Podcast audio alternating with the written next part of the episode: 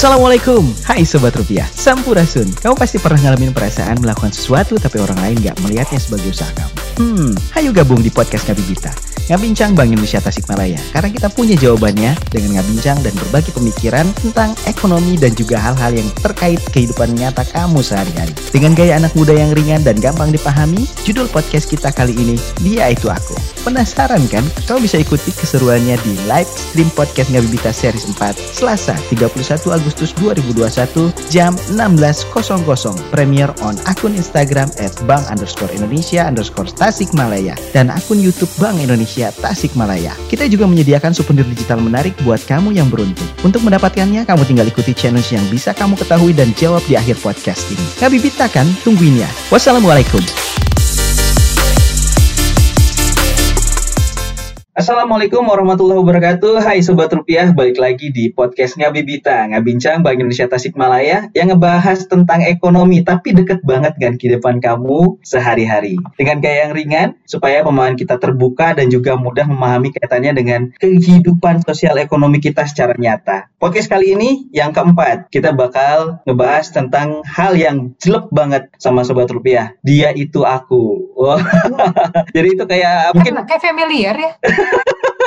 Iya Bu Yusi, udah terima kasih banget udah hadir di kegiatan Ngabibita kita untuk seri keempat ya Bu. Mungkin pernah Bu nih ngalamin hal-hal yang kayak gini pada waktu masa-masa masih kuliah gitu Bu, melakukan sesuatu gitu ya buat orang yang kita tercinta gitu ya. Tapi nggak dihargain mungkin ya, nggak kelihatan kayak usaha kita gini Bu Yusi. Iya pernah pasti pernah lah. Pernah ya Bu ya. Ya kayak saya juga sih Bu. Jadi pas waktu dulu sama ya mantan pacar mantan pacar. Mantan pacar gitu kan ya. Tapi untung ini saya lagi podcast nggak di rumah ya bu ya. Bahaya kalau di rumah ya. Iya Bisa bahaya dikunci nih. kamarnya di dalam ya. Bisa bisa piring terbang nih bu. Iya bu. Jadi kayak misalkan kita uh, berbuat sesuatu kayak uh, ngasih contekan gitu pas pas kuliah gitu kan lewat temen gitu. Uh, tapi teman itu yang dapat apa namanya uh, rasa terima gede. kasihnya gitu. Dapat terima kasih dari yang kita tuju gitu teman kita gitu. Kita tuh di sini. Jelek banget gitu ya. iya iya. Iya Bu. Dan ini kalau misalkan dihubung-hubungkan dengan ekonomi nih Bu ya. Kalau misalkan masyarakat konsumen juga masyarakat produktif itu juga suka apa ya merasa bahwa hal-hal yang dilakukan itu nggak nggak nggak muncul gitu ya nggak muncul di di permukaan. Lihat kasat mata gitu ya. gitu ya. Uh, kayak misalkan juga salah satunya tuh UMKM berasa udah banting setir udah jungkir balik gitu kan ya apalagi di masa pandemi itu kayak ngerasa nggak nggak nggak nggak ada efeknya gitu. Padahal kalau misalkan uh, indikatornya kalau di ekonomi mungkin bisa kelihatan di PDRB kali bu ya. Betul hmm, betul. PDRB itu apa bu? Produk domestik regional bruto regional bruto. Itu kalau itu emang gimana sih Bu? Menggambarkan apa gitu Bu? Ya, uh, jadi kalau PDRB itu menggambarkan uh, apa ya? kegiatan ekonomi di suatu daerah gitu ya. Hmm. Misalnya hmm. nih untuk Priangan Timur, PDRB-nya ini uh, ditopang oleh sektor pertanian gitu. Ini menunjukkan hmm. share uh, apa namanya? share sektor ekonomi di daerah tersebut gitu. Seperti hmm. itu. Kurang lebih seperti itu. Gitu ya bu ya. Terus juga kalau nggak salah di Priangan Timur tuh sektor perekonomian juga ditopang selain pertanian perdagangan pak ya bu ya kalau di kota Tasik ya bu ya? Iya kota Tasik perdagangan. Jadi yang kalau untuk Priangan Timur itu pertama pertanian yang kedua hmm. eh, apa perdagangan. Hmm. kemudian yang berikutnya itu ada ini apa namanya eh, industri pengolahan Iya betul. Oh, iya. Ada, ada konstruksi juga. Ada konstruksi juga bu ya. Iya, Oke, okay. berarti ini uh, gimana pun juga ternyata memang sebenarnya termasuk juga UMKM berarti masuknya ke perdagangan bu ya dan juga industri pengolahan tadi ya bu ya. Iya ada hmm. perdagangan dan industri pengolahan. Kalau untuk Kota Tasikmalaya kan emang sektor ekonominya banyaknya di perdagangan ya. Gitu ya, sektor perdagangan. Nah, iya. Bu, kalau misalkan dari sektor perdagangan tadi, berarti UMKM kita juga punya andil ya Bu ya di dalam pertumbuhan ekonomi di Jabar. Nah, tapi ini kan di masa pandemi nih Bu, masa pandemi dengan jam operasional dikurangi segala macam gitu Bu ya, jungkir balik dah mungkin bisa dibilang kayak gitu. Uh, kita Bu di BI itu dalam mendukung pertumbuhan ekonomi yang ditopang sama UMKM ini apa aja Bu yang kita lakukan Bu? Digitalisasi ya. atau apa Bu gitu? Jadi memang uh, pandemi ini berpengaruh pada berbagai sektor ya di uh, apa namanya di sektor perekonomian gitu ya. Mau itu usaha hmm. besar itu sangat terdampak sekali kelihatan banyak kan hmm. apa namanya perusahaan-perusahaan besar juga yang mengalami uh, goncangan gitu ya.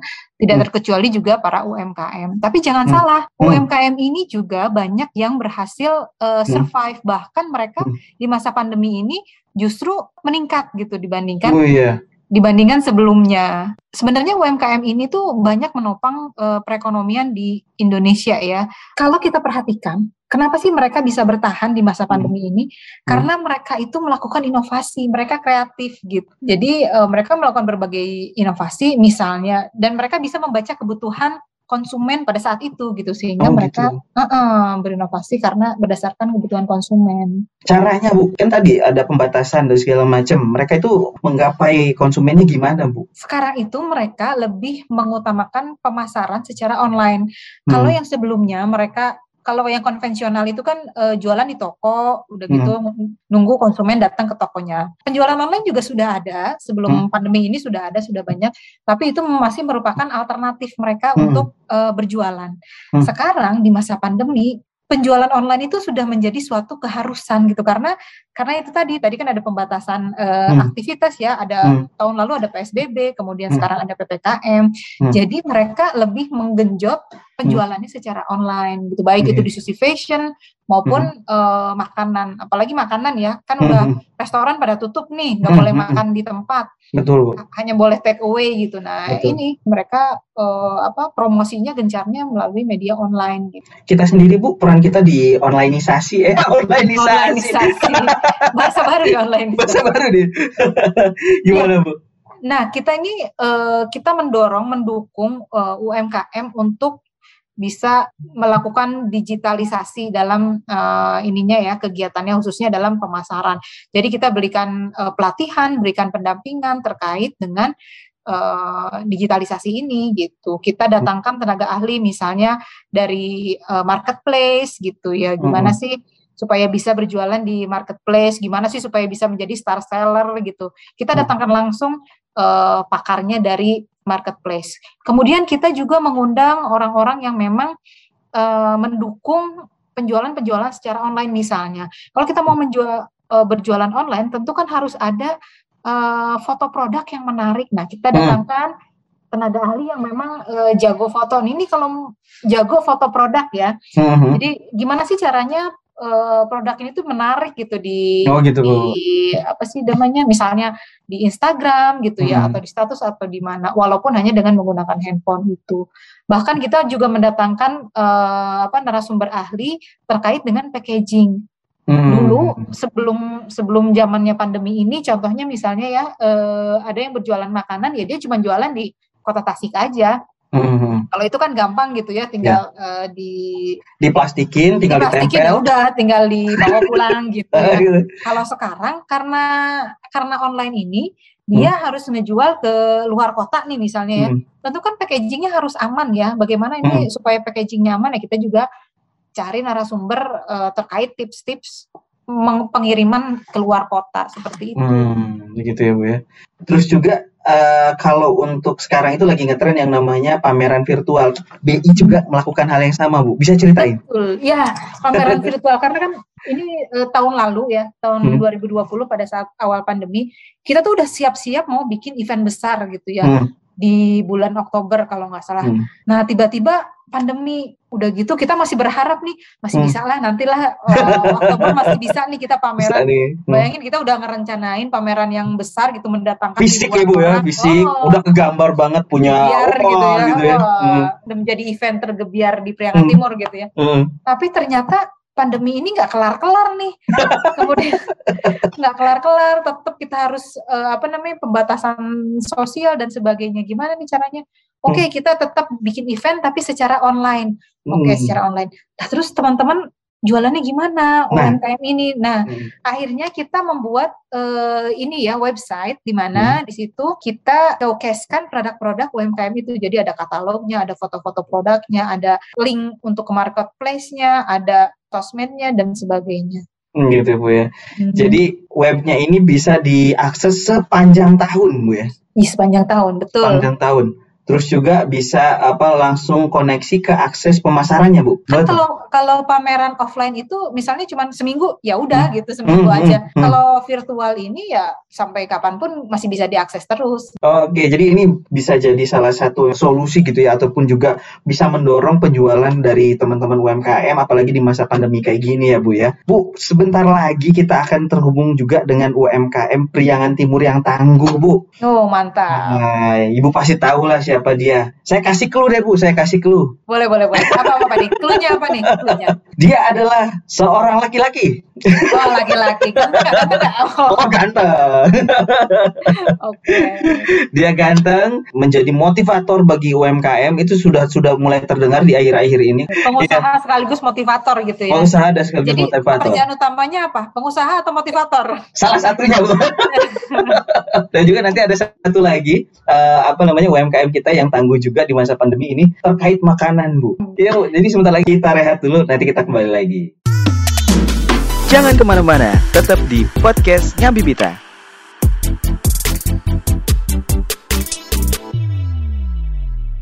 Hai Sobat Rupiah, kembali lagi di podcast Ngabibita, Ngabincang Bank Indonesia Tasikmalaya series Dia Itu Aku. Di seri ini kita ngabincang terkait perasaan yang pernah kamu alami di kejadian sehari-hari ya. Kamu mungkin pernah melakukan sesuatu, tapi orang lain melihatnya itu nggak seperti dari usaha kamu. Nah, ini sekarang kita udah terhubung dengan salah satu UMKM-nya kita, yang juga memang bisa dibilang menjadi bagian terpenting di masa pandemi, karena memang UMKM ini kalau dihubungkan dengan pertumbuhan ekonomi, mereka adalah pahlawan di pertumbuhan ekonomi. Ya, sekarang kita terhubung Kang Ilham dari Amili Hijab. Halo semuanya. Apa kabar? Ini susah banget dapat jadwalnya Kang Ilham nih. Soalnya sibuk banget. Pencitraan aja sebenarnya. Oh, pencitraan. Iya Bu Yuci, ini kita udah terhubung nih sama Kang Ilham, Bu. Assalamualaikum Kang Ilham. Waalaikumsalam Bu Yuci.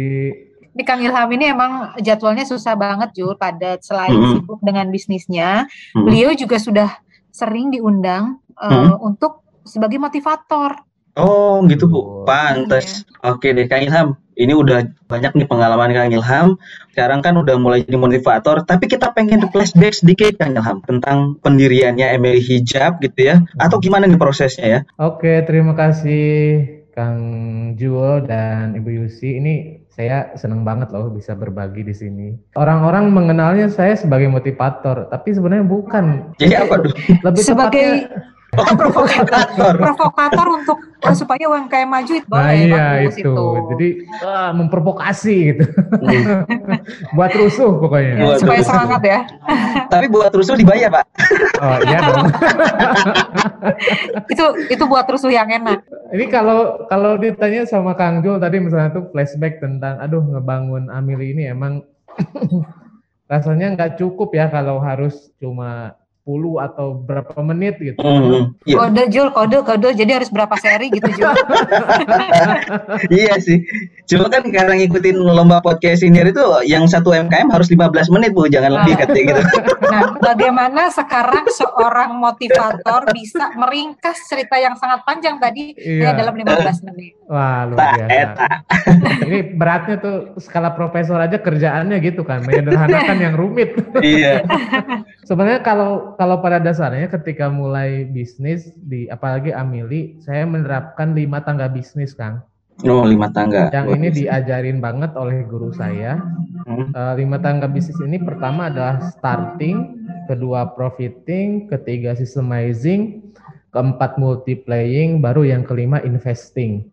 Hmm. Nah, ketika saya mulai di Amili itu, uh, saya masuk ke tangga yang pertama itu starting. Nah, di starting itu jangan mikir uh, visi kita apa, misi kita apa, karena tugas starting itu mulai. Ya, ya udah mulai aja dulu hajar. Ya bahkan kalaupun perlu palu gada, apa lu butuh gua ada ya udah lakuin gitu. Yang penting uh, bisnis muter, dapat profit gitu.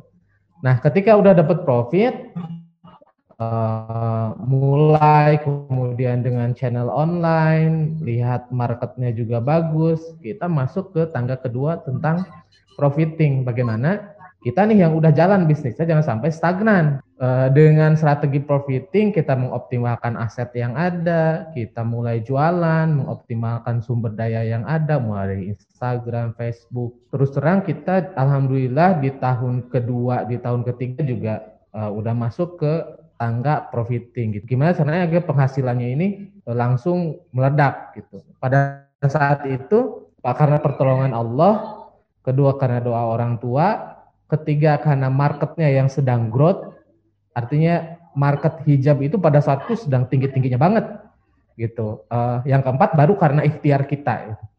Amil ini hadir kemudian bersama dengan itu, bersama dengan pertumbuhan market tersebut, memberikan solusi kepada muslimah uh, di Indonesia bagaimana agar kita, agar tetap beraktivitas tapi dengan mengenakan hijab syar'i. Nah, iya saya akhirnya... udah banyak banget pertanyaan soalnya.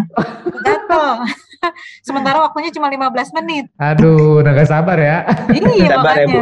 Tapi emang bahasanya beda, Bu. Dia karena apa namanya motivator itu pakai tangga katanya, Bu. Iya, tangga. Jadi, Jadi kan harus naik ya. Iya, iya. Kita harus siap untuk terus naik. Terus naik. Boleh tanya nggak? Gimana, gimana, Bu? Ini udah berapa tahun sih usahanya? Sekarang udah masuk tahun kelima. Wow. tahun kelima tapi omsetnya udah luar biasa. Titik-titik-titik ya. Titik-titik ya. Nah, selama lima tahun, selama lima tahun ini pernah nggak sih ngalamin uh, drop gitu? Atau terus aja growth gitu dari hmm. tahun ke tahun? Alhamdulillah karena kita uh, posesif, uh, disiplin terhadap keuangan kita, kita nggak ngambil keuntungan full. Kita tuh dapat profit sharing dari bisnis kita itu baru tahun 2020 aja. Sebelumnya kita digaji. Berapa gaji kita? Misalnya tuh eh, empat juta lima juta sebulan itu harus cukup tuh. Sisanya kita puterin lagi jadi modal.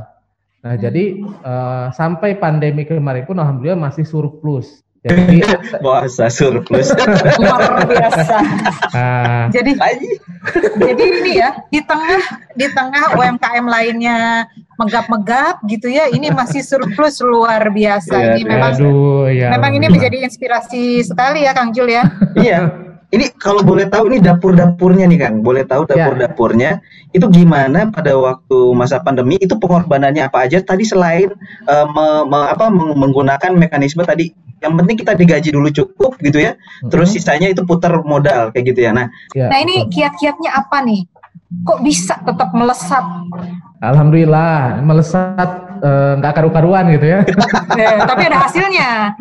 ada hasilnya. Tetap surplus. uh, pada dasarnya saya akhirnya paham teorinya baru-baru sekarang ini, Bu. Dari statement yang disampaikan oleh Coach Indrawan. Quotes-nya itu bagus banget follow your customer. Hmm. Nah, jadi sebisa mungkin ketika masa pandemi itu kita menurunkan ego sebagai business owner, menurunkan ego sebagai pengusaha gitu dan membaca sedetil mungkin apa perubahan dari behavior market kita. Nah, misalnya itu tadinya yang sering keluar rumah jadi di rumah aja. Nah, itu behaviornya kan berubah sangat signifikan. Nah, kita bisa menghadirkan apa nih produk hijab yang itu memposisikan produk kita bisa dipakai oleh customer kita. Makanya kita perbanyak produk-produk yang itu siap di rumah. Yang itu bisa menunjang produktivitas emak-emak. itu target market Emang pasarnya emak-emak ya? Iya, betul. menunjang kalau saya kan masih gadis ya, kalau saya masih gadis jadi Oh iya percaya kok Bu, saya percaya. Uh, goceng dulu tapi Bu. Akhirnya apakah itu dipakai dengan hijab atau tidak di rumahnya itu kan urusan customer kita Tugas kita adalah menyampaikan bahwa ini produk kita bisa relevan untuk dipakai dalam kondisi stay at home hmm. gitu. Kemudian kita juga beradaptasi dengan inovasi produk uh, masker, satu masker kita jual dari yang murah sampai yang uh, menengah gitu kan, mulai dari harga 6.000 sampai yang 50.000 satu piecesnya. Eh, gitu. ngomong-ngomongin masker ya, itu katanya sekali produksi itu 1.000 apa berapa dan itu langsung ludes sampai saya nggak kebagian loh. Beneran saya harus PO loh. Luar Aduh, biasa kan. itu dijualnya kayaknya gimana itu? Itu udah kayak kacang uh, goreng aja jualnya. Iya, kayak kayaknya. kacang goreng gitu emang habis banget gitu, ribuan. ya izin Allah di dimudahin buat ngejualnya gitu kan. Gitu. Ya. Kuncinya kuncinya tahu kebutuhan konsumen ya Kang ya. Iya, betul, betul. Kalau tadi tuh dengar ini kan Bu, kalau Emily itu uh, dari sebelum-sebelumnya ternyata udah menggunakan penjualan online ya Bu ya. Nah, ini nah, menarik ini. ini Bedanya apa Kang Ilham antara perbedaan jualan online sebelum pandemi dengan saat-saat sekarang yang saat pandemi ini gitu? Apa sih strateginya gitu yang membedakan hmm. sehingga penjualannya antara sebelum pandemi dengan saat pandemi itu tetap continue penjualannya gitu? Ya uh, intinya Kang barangkali online itu hanya media hmm. untuk mengkomunikasikan value yang kita miliki kepada konsumen. Dengan online kita bisa menjangkau market dengan lebih dekat dari produk yang dipakainya. Maksudnya tuh pakai smartphone kita bisa hmm. mengiklan sampai ke depan matanya gitu loh, ke tempat tidurnya, sampai ke kamar mandinya barangkali. Makanya sampai ke bawah mimpi, ya? sampai ke bawah mimpi, makanya besoknya langsung beli. iya gitu. Jadi terus-terusan. Nah perbedaannya di sana aja sih sebenarnya media online. Hmm. Strategi online di masa pandemi ini, menurut saya tentang bagaimana kita mengidentifikasi market kita dan menempatkan konten kita sesuai dengan market kita. Behaviornya berubah ya, cara mengkomunikasikan produk kita ke konsumen juga pasti berubah. Konten itu kan, konten itu sekarang udah kayak produk, mm-hmm. harus diproduksi mm-hmm. dan harus dipersiapkan produksinya jauh hari. Mm-hmm. Digital ini emang diuntungkan sekaligus Tantangan, ya. cepat banget berada. Iya iya iya betul. Kalau tahu konsumennya mm-hmm. ya Kang ya. Mm-hmm. Artinya kalau sudah ya? didefinisikan, ya. ya mm-hmm. Nah, Lebih. yang susah itu adalah ketika belum terdefinisi marketnya. Yeah. By the way, ini Kang Ilham tuh outletnya di mana sih? Kalau kantor pusat kita di Tasikmalaya, tapi untuk eh, store offline kita ada di Jalan Desa Parua, eh, Jalan Ambon uh, nomor 15. Oh, malah di Bandung ya? Oh. ya, market kita kan Jabodetabek, Bu. Ya emang ibu-ibu yang ada di sana sih, lebih ke hmm. arah sana aja. Hmm, nah, pantesan saya nggak tahu kan saya bukan ibu-ibu. Kita tahunya ke mall aja bu ya. Iya iya iya. Tapi walaupun walaupun demikian, ini penjualan online ini luar biasa ini. Uh, mantap. Alhamdulillah. Ya core-nya emang di online kita bu. Memang memang hmm. dari awal uh, memfokuskan ke penjualan online gitu ya kang? Iya iya betul. Hmm. Luar biasa. Dari Tasikmalaya tapi pasarnya di Jabodetabek loh. Uh, iya. mantap. tapi kan Bu ada juga Bu Emily itu udah masuk ke pasarnya luar negeri internasional Kang Ilham begitu ya? Ya, betul Wih, betul kan. Oh, ini bu. Mantap mantap mantap. From Tasikmalaya tuh. Mendunia itu. Iya mendunia. Mendunia. Ini padahal ownernya stay di Tasik loh, tapi bisnisnya hmm. yang di Jabodetabek tetap jalan terus. Ini berarti ini sistemnya itu sudah terbentuk. Kalau kata orang amin, motivator amin. itu berarti Kang Ilham usaha jalan pemilik jalan-jalan. Iya. Hati-hati loh, itu jebakan juga nanti. Oh gitu. ya harus naik ke ke tangga selanjutnya. Kita harus ngeberesin dulu systemizingnya, baru hmm. baru kita bisa multiplay gitu, memperbanyak bisnis. Ya, Kalau masih di profiting ya jangan dulu deh, jangan ditinggalin. Owner jalan-jalan bisnisnya nggak jalan-jalan. Bisnisnya nggak jalan. Iya iya iya. Nah, Kang Ilham kalau untuk terkait tadi memperluas pemasaran ke luar negeri tadi itu strateginya apa nih Kang Ilham? Saya paling menyampaikannya sebelum dan pasca pandemi ya Kang karena ya, perbedaannya jauh banget gitu. Hmm, hmm. Sebelum pandemi kita nge-reach market di luar itu lebih mudah tuh dengan Indonesia Fashion Week banyak negara-negara yang hadir ke sana dan kemudian mau bermitra sama kita. Kemudian iklan kita juga nyampe ke sana misalnya tuh penempatannya. Ada juga yang saudaranya jualan amili kemudian yang di luar negerinya mau jualan amili juga kemudian dia daftar. Nah, itu dari segi pengiriman ya mudah gitu kan, karena tidak ada hal yang membatasi. Nah, masa pandemi ini emang kita untuk ekspor ini lumayan drastis, bukan hanya di Indonesia pembatasannya, tapi juga di tiap negara itu kan ya, berbeda-beda. Ya. ya, pemberlakuannya berbeda-beda. Tapi untuk domestik berarti atau dalam negeri jos banget di dalam masa pandemi ya. ya, salah satu kesempatan menurut saya yang ini bisa dimanfaatin oleh teman-teman UMKM adalah ketika corong impor itu ditahan sama negara, maka udah saatnya produk-produk dalam negeri menguasai market dalam negeri. Nah, inilah bangga buatan Indonesia nah, gitu ya. Jadi bangga buatan Indonesia-nya udah didukung sama dunia nih karena hmm. pandemi kita hajar. Nah, hajar. jadi dengan adanya pandemi ini mendorong produk-produk dalam negeri untuk terus maju. Coba Kang Ilham ada kata-kata motivasi untuk para UMKM nih supaya bisa seperti Kang Ilham ini? Waduh, waduh, waduh. Jangan jangan kayak saya dong harus lebih. lebih lebih gitu ya. Oh itu Maksudnya, artinya kalau menurut saya tugas UMKM itu adalah berkembang. Itu artinya pertama kita meningkatkan knowledge kita pengetahuan kita dan yang kedua meningkatkan experience kita, pengalaman kita. Dengan meningkatkan itu kita sebenarnya secara step by step sedang mengalami pertumbuhan. Ketika kita mempersiapkan pertumbuhan kita, jika nantinya ada kesempatan yang datang, kitanya udah siap, Nah bertemu, nah itulah momentum. Nah jadi uh, pesan saya buat teman-teman UKM itu adalah jangan berhenti belajar, jangan berhenti bergerak, nah, jangan berhenti berbagi. Nah itu aja supaya uh, kita selain ilmu ataupun harta gitu ya silahkan karena sekaranglah momen untuk itu dilakukan secara bersamaan ilmunya ya buat membantu pertumbuhan hartanya juga membantu penghidupan buat yang yeah. Mantap.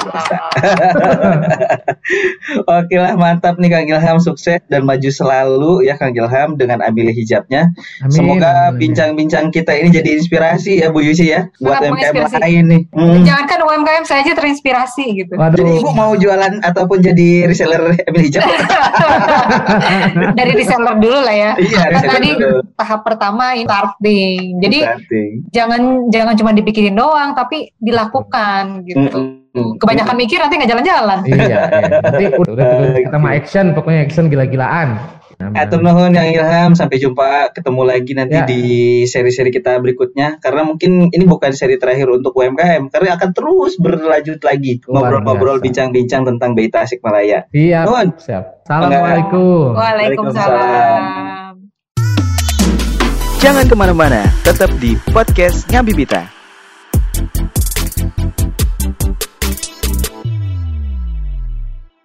Hai Sobat Rupiah, kembali lagi di podcast Ngabita, Ngabincang Bank Indonesia Tasikmalaya series Dia Itu Aku. Di series ini kita ngabincang terkait perasaan yang mungkin pernah kamu rasain di kegiatan sehari-hari ya. Kamu mau melakukan sesuatu tapi orang itu nggak ngelihat seperti itu dari usaha kamu. Ini kalau dihubungin dengan pertumbuhan ekonomi ya, ini kalau yang sering dilupakan adalah UMKM, tapi dia adalah bagian terpenting apalagi di masa pandemi. Sekarang kita udah terhubung dengan UMKM tangguh dan inspiratif juga dari Tasikmalaya. Halo TG ya, bener nggak nih kalau misalnya Cigor Sosoy itu cil goreng asoy so asoy gitu ya, bukan? Oh, so tahu. aku tahu jawabannya, aku tahu jawabannya. Apa, apa, apa, apa, Cilok goreng Sosoy hmm? itu Soraya. Nah, ya, oh, ya. gitu. Namanya Gea Soraya. Oh, gitu Bu. Oke, oke, oke. Soraya Asoy. Ya. jadi, jadi hmm. Cigor itu sebenarnya kan uh, singkatan dari hmm. cilok hmm. goreng. Nah, sosoynya sendiri, uh, hmm. sosoynya sendiri itu dari nama panggilan saya dari Soraya, jadi dipanggilnya hmm. tuh sosoy gitu. Oh, gitu. Cuman uh, ciloknya kita itu berbeda. Kalau gitu kalau uh, kalau dari kecil kan pasti hmm. dari zamanan Ibu Yusi sama itu kan udah ada karya cilok ya Bu ya. Benar Bu. Baru, Emang Bu Yusi duluan baru saya. Bedanya itu ciloknya digoreng. Hmm. Jadi cigor gitu, cigor sosoy. Oh, iya. Dapat iya. idenya dari Jadi, mana teh? Sebenarnya teh dulu tuh sama aja cilok, cuman hmm. ada cilok sisa nih secara ketidaksengajaan. Oh. Ketidaksengajaan yang membawa berkah. Iya betul banget bu. Jadi saya tuh dulu tuh ah coba deh digoreng. Cuman kan biasanya kalau goreng aci itu takut ya. Mm-hmm. Uh, karena suka meledak, uh, mm. si ciloknya itu diangkat ke tempat sambal, mm. salahnya itu. Mm. Tapi jadilah produk uh, yang uh, iya, jadilah cigor soso yang mm. Mm, banyak pilihan rasanya karena terkenalnya itu saking pedesnya itu padahal semuanya itu diawali dengan ketidaksengajaan. Oh, ketidaksengajaan yang membawa berkah. Hmm. Akhirnya dulu tuh bentar Bu. gini nih, uh, soalnya gini sengaja nggak sengajanya itu manjang gitu. Hmm. Nah dulu tuh uh, ke tempat sambal dan akhirnya ah ini kayaknya bagus uh, saya aduk dan dan mau dipoto dulu tuh di BBM. Hmm. Oh iya akhirnya BBM ya. Hmm, akhirnya uh, saya kasih taburan ayam yang sisa isian cilok. Hmm. Biar bagus dipoto dulu tuh warnanya tuh merah kalau nggak salah sambalnya merah. Pas dipoto, oh kok jadi bagus. Jadilah hmm. di status BBM. Hmm. Akhirnya orang-orang teman-teman saya yang ada di kontak BBM nanya itu apa itu apa apa ya apa oh cigor cigor oh uh, cilok goreng cigor sasoy gitu. Oh jadi aja itu tahun berapa teh? itu tuh di tahun 2012 saya lagi nunggu wisuda hmm. karena adanya permintaan karena mungkin dari mulut ke mulut akhirnya menjerumuskan saya harus benar-benar fokus di cilok akhirnya oh, gitu. luar biasa hmm, proses Berarti itu. setelah di wisuda jadilah sarjana Cigor Heeh, Sosoy. sarjana cilok. Dulu tuh al- almarhum papa saya sampai bilang ini, Eh? "Eh, masa sarjana dagang cilok, cina gitu. Eh, belum Iya, tahu sekarang. belum tahu karena kan Belum tahu. em- Eh, eh. emang fokusnya tuh dulu tuh ngambang banget ini tadi Hmm. lanjutin enggak lanjutin enggak nah Hmm. setelah saya punya pegawai akhirnya di sana saya ngerasa punya oh ini tanggung jawab nih Hmm. aku tuh punya tanggung jawab ke pegawai juga sama ke konsumen juga Hmm, akhirnya memaksakan saya harus benar-benar fokus di cilok goreng itu Wah. Iya, Kayak gitu. Teh, Iya. eh, kenapa sih cilok? Kan cilok tuh udah banyak banget ya. Sekarang abang-abang aja banyak banget Banyak gitu. Kenapa banget. sih milih memilih cilok gitu?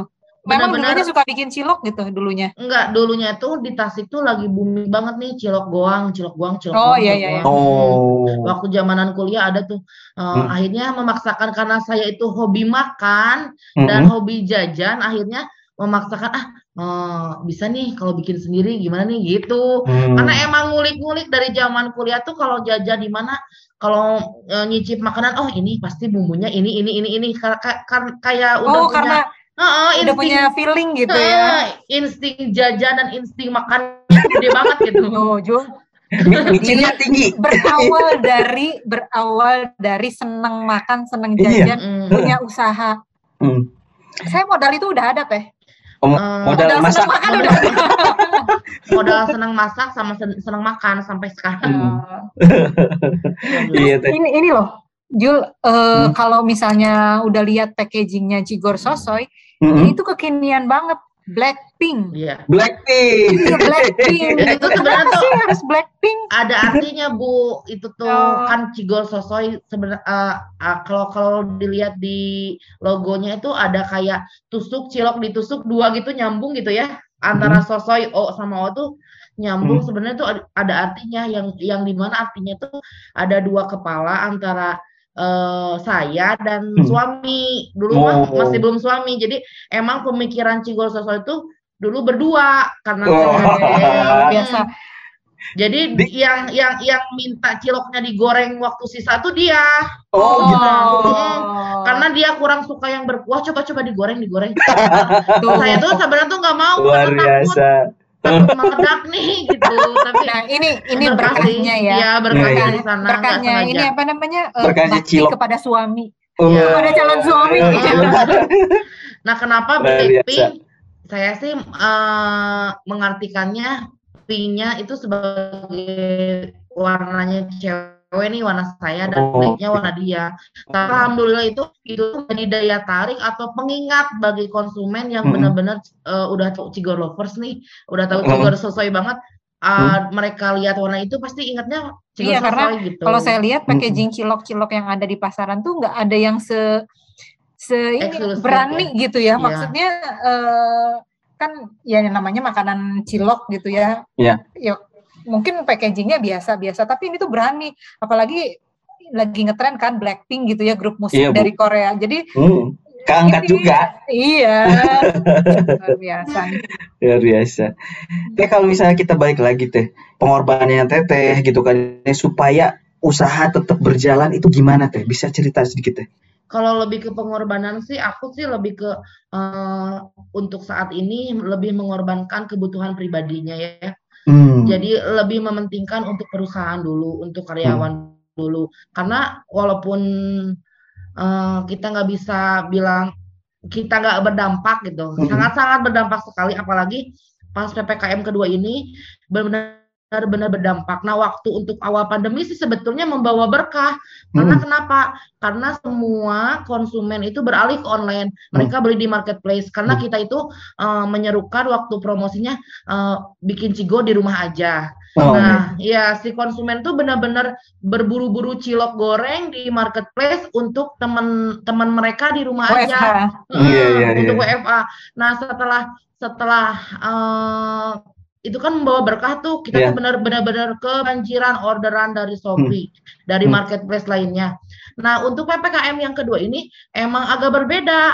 Hmm. Eh, saya juga sempat sempat pikir gini, apa ada yang salah mungkin atau Hmm. mungkin apa konsumennya yang sekarang pemikirannya sudah berbeda apa gimana hmm. apa mungkin sekarang sudah terbiasa mungkin ya jadi hmm. nggak nggak perlu nyetok nyetok lagi cigor gitu jadi ada penurunan untuk ppkm kedua ini dan juga uh, di offline-nya sendiri kan kita mau tutup ya sementara hmm. kan Cigor Soso itu uh, kalau di Tasik pusatnya tuh di yang di mall itu. Hmm. Jadi benar-benar berdampak sekali. Jadi selama 9 tahun saya usaha nih Cigor Soso ya baru uh, tahun ini saya merasakan benar-benar oh iya ya berdampak tuh benar-benar berdampak sekali. Tapi um, jadi saya tuh nggak boleh nyerah di sini aja. Tetap kan harus benar-benar berusaha, harus memaksimalkan lagi promosinya, hmm. mau itu via media sosial atau mungkin kayak hari ini nih tiap Jumat saya tuh hmm. uh, menggratiskan satu porsi cigor untuk uh, uh, di semua cabang Wah wow, luar biasa. Hmm, di diutamakan untuk yang habis pulang Jumatan. Berarti buat ya, bapak-bapak. Saya nggak sholat Jumat gimana dong teh? Tapi kalau kalau misalkan kuotanya ada masih bisa bu. Jadi benar-benar kita tuh um, kalau kata Kang Ilham tadi berbaginya itu dalam berbagai hal gitu ya. Tidak hanya untuk berbagi dalam informasi atau mungkin berbagi pengalaman, tapi saya itu benar-benar berbagi ya mungkin uh, mudah-mudahan lah cigornya berkah kalau kita dikasih uh, ngasih-ngasih buat yang udah jumatan gitu. Oh. Karena kan daripada uh, stoknya numpuk ya udahlah kita kasihin aja gitu. Kalau saya tuh kayak gitu hmm. daripada mubazir sampai kan harus jadi barang sisa lebih baik saya bagikan. Hmm. Luar biasa. Luar biasa. Tadi saya kalau kalau jamnya habis Jumatan saya mendekat ke outlet Iya, iya itu outlet outlet Saya, saya sampai nunggu deh, Bu. Saya nunggu deh. Nanti sholat Jumatnya di depan. Di, uh, iya, di depan tokonya TG aja. Hmm. Cari masjid yang dekat sini ya. Iya, betul. Karena itu juga salah satu buat meyakinkan konsumen ya kalau kita tuh hmm. bisa bermanfaat lah bagi orang banyak. Kan kadang ada juga oh Bang Gojek yang ya hanya hmm. mengorderkan cigor tapi tidak bisa uh, ngerasain nih cigor uh, cigor selesai kalau untuk saya sendiri jadi uh, usaha itu bukan untuk masalah untung dan rugi hmm. untuk diri saya, tapi uh, bisa bermanfaat bagi untuk karyawan, untuk keluarga saya, ataupun orang-orang di sekitar saya. Cepat-cepat harus bikin pemecahan masalah, inovasi hmm. baru. Kita juga udah coba. Jadi uh, biarlah Cigor yang utama, tetapi ada selingan, ada menu-menu hmm. lain kayak Uh, ada pangsit, mm, tasoy, pangsit goreng. Mm, mm. Terus juga kita punya cilok gepeng yang lagi booming di Garut dan kita juga bikin tapi dengan ciri khasnya Cigor Tasoy. Mm. Oh gitu, iya iya. Untuk masa pandemi ini apa pun usahanya ya lakuin mm. untuk ber, untuk bertahannya kita dan untuk uh, produksi juga ber, uh, berjalan gitu. Mm. Terutama tadi untuk karyawannya ya, itu ya karena terutama itu untuk karyawan alhamdulillah krunya masih pada bertahan. Alhamdulillah, luar biasa Tegia. Tegia kalau misalkan untuk tadi ya uh, kayak tadi kan mall kan ditutup gitu ya. Iya, iya. Terus uh, beberapa waktu yang lalu gitu kan ya, beberapa waktu yang lalu itu nggak boleh makan di tempat kan teh gitu. Hmm. Nah, itu strategi teteh gimana teh supaya bisa survive di ke apa kondisi kemarin itu?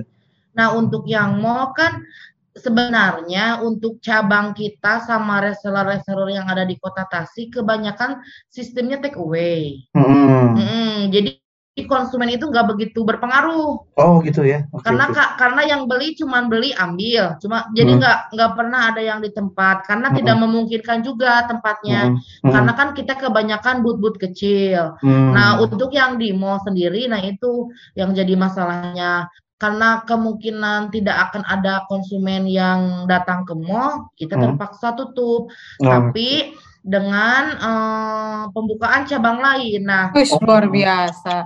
Luar biasa. Maksudnya, mati satu tumbuh seribu itu oh, iya.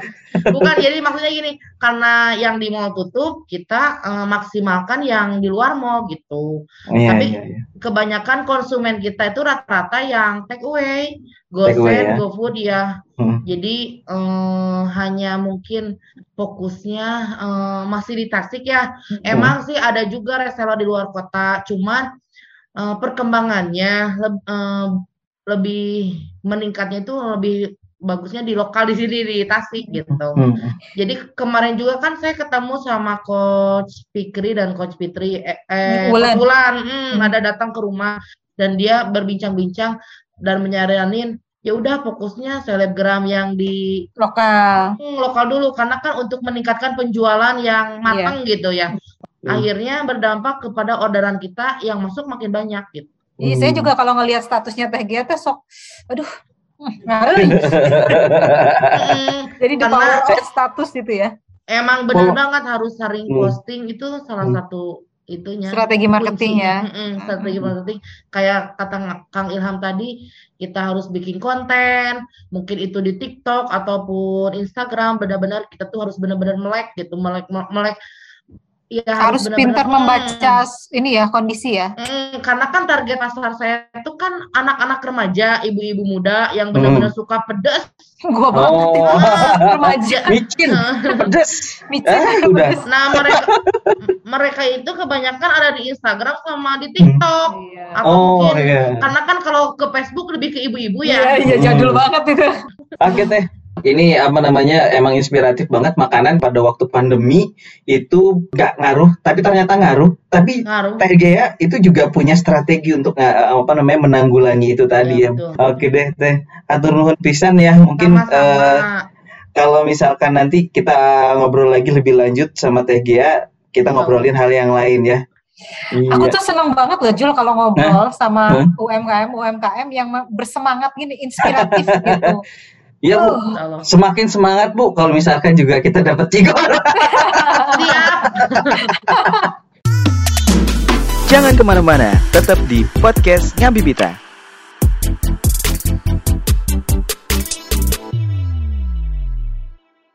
Oke Sobat Rupiah, nggak kerasa udah sampai di penghujung bincang kita tentang dia itu aku. Semoga bisa jadi obat buat kamu yang suka ngerasa pengorbanan kamu gak dilihat sama orang terdekat kamu ya. Jangan patah semangat, kita bisa belajar dari semangat UMKM-UMKM kita nih. Jadi terus berkarya selama pandemi, walaupun nggak terlihat, tapi secara tidak langsung mendorong pertumbuhan ekonomi ya, dan juga menjadikan ekonomi kita menjadi lebih baik di masa pandemi ini. Terima kasih Bu Yusi sudah bergabung. Sama-sama. Senang bisa bergabung di sini. Atur nuhun. Uh, seperti biasa nih, uh, Sobat Ngabita, di akhir podcast akan ada challenge yang bisa kamu ikuti untuk mendapatkan souvenir digital dari kita ya.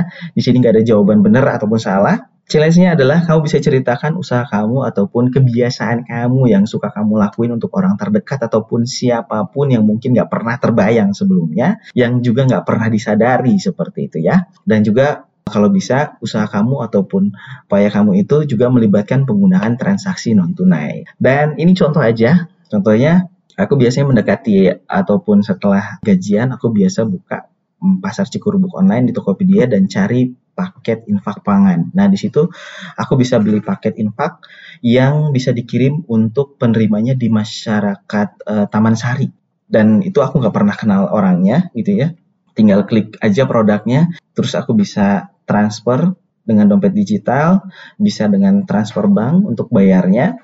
Paketnya di pesan hari itu juga enaknya adalah langsung dikirim besoknya, kayak gitu. Nah, penerimanya itu juga apa namanya sudah diidentifikasi sama Pemda terkait di situ yang pasti belum pernah mendapatkan bansos, terus juga uh, tergolong jompo ataupun disabilitas dan juga bisa uh, jadi orang yang memang kurang beruntung di sana. Karena bisa dilihat dari uh, kondisi rumahnya itu. Ada di produknya itu kelihatan foto orangnya dan juga rumahnya kayak gitu ya. Nah, di situ juga setelah kita mengirimkan ataupun setelah kita membeli paket itu, kita bakal dapat bukti penyerahan infak pangan. Ya walaupun dia nggak kenal kita gitu kan ya. Dan juga ya ini namanya juga sebagai bukti bahwa paket itu langsung terkirim gitu ya. Itu yang membuat aku merasa plong gitu ya dengan paket infak pangan ini gitu. Bisa membantu orang yang tidak beruntung gitu kan dan juga bisa membantu pemulihan ekonomi di masa pandemi lah kurang lebih. Dan yang pasti sih terima kasih buat Pemda Kota Tasikmalaya, Pasar Cikurubuk, Tokopedia yang sudah berkolaborasi ya, termasuk juga dengan BI Tasikmalaya menyediakan layanan paket infak pangan ini. Ini sesuai banget buat jiwa anak muda yang punya jiwa sosial tinggi, pengen bantu sesuatu, pengen bantu orang lain, tapi enggak pakai lama, pengennya instan kayak gitu ya, nggak pakai ribet, tapi bisa dibilang pengennya langsung disampaikan paket infak pangannya setelah beli paket dan juga bisa dilakuin di mana aja karena udah online. Gitu ceritanya, contoh Ini malah aku yang curhat gitu ya. Oke deh, sobat kami Bita, komen kamu itu bisa kamu sharing ya dan juga kita akan pantau selama 1 sampai 2 hari dari podcast ini selesai streaming gitu ya. Kamu bisa tuliskan jawabannya kamu di kolom komen posting podcast kami Bita kali ini. Dia itu aku di akun Instagram at underscore Tasikmalaya. Semoga kamu beruntung mendapatkan souvenir digital menarik dari Ngabibita ya. Jangan lupa follow akun Instagram, YouTube Bank Indonesia Tasikmalaya, love, like, subscribe supaya kamu bisa mendapatkan informasi dan juga kesempatan mendapatkan souvenir yang lainnya gitu ya dari Bank Indonesia. Dan juga kita ingetin bahwa bulan September akan ada event yang menarik lagi dari Bank Indonesia Tasikmalaya, pagelaran kreasi Priangan Timur. Jadi tungguin ya, tetap ikuti Instagram dan YouTube Bank Indonesia. Terakhir, saya Julius Avrilian mengaturkan terima kasih dan mohon maaf atas penyampaian yang mungkin kurang berkenan. Salam Ngabibita, Ngabijang Bank Indonesia Tasikmalaya. Wassalamualaikum warahmatullahi wabarakatuh.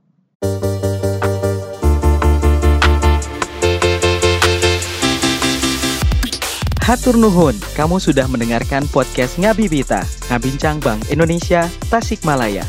Sampai jumpa di series berikutnya. Jangan lupa follow akun Instagram dan YouTube Bank Indonesia Tasikmalaya dan ikuti challenge-nya. Semoga kamu beruntung mendapatkan souvenir dari Ngabibita. Salam Ngabibita, Ngabincang Bank Indonesia Tasikmalaya. Pilujeng Sadayana.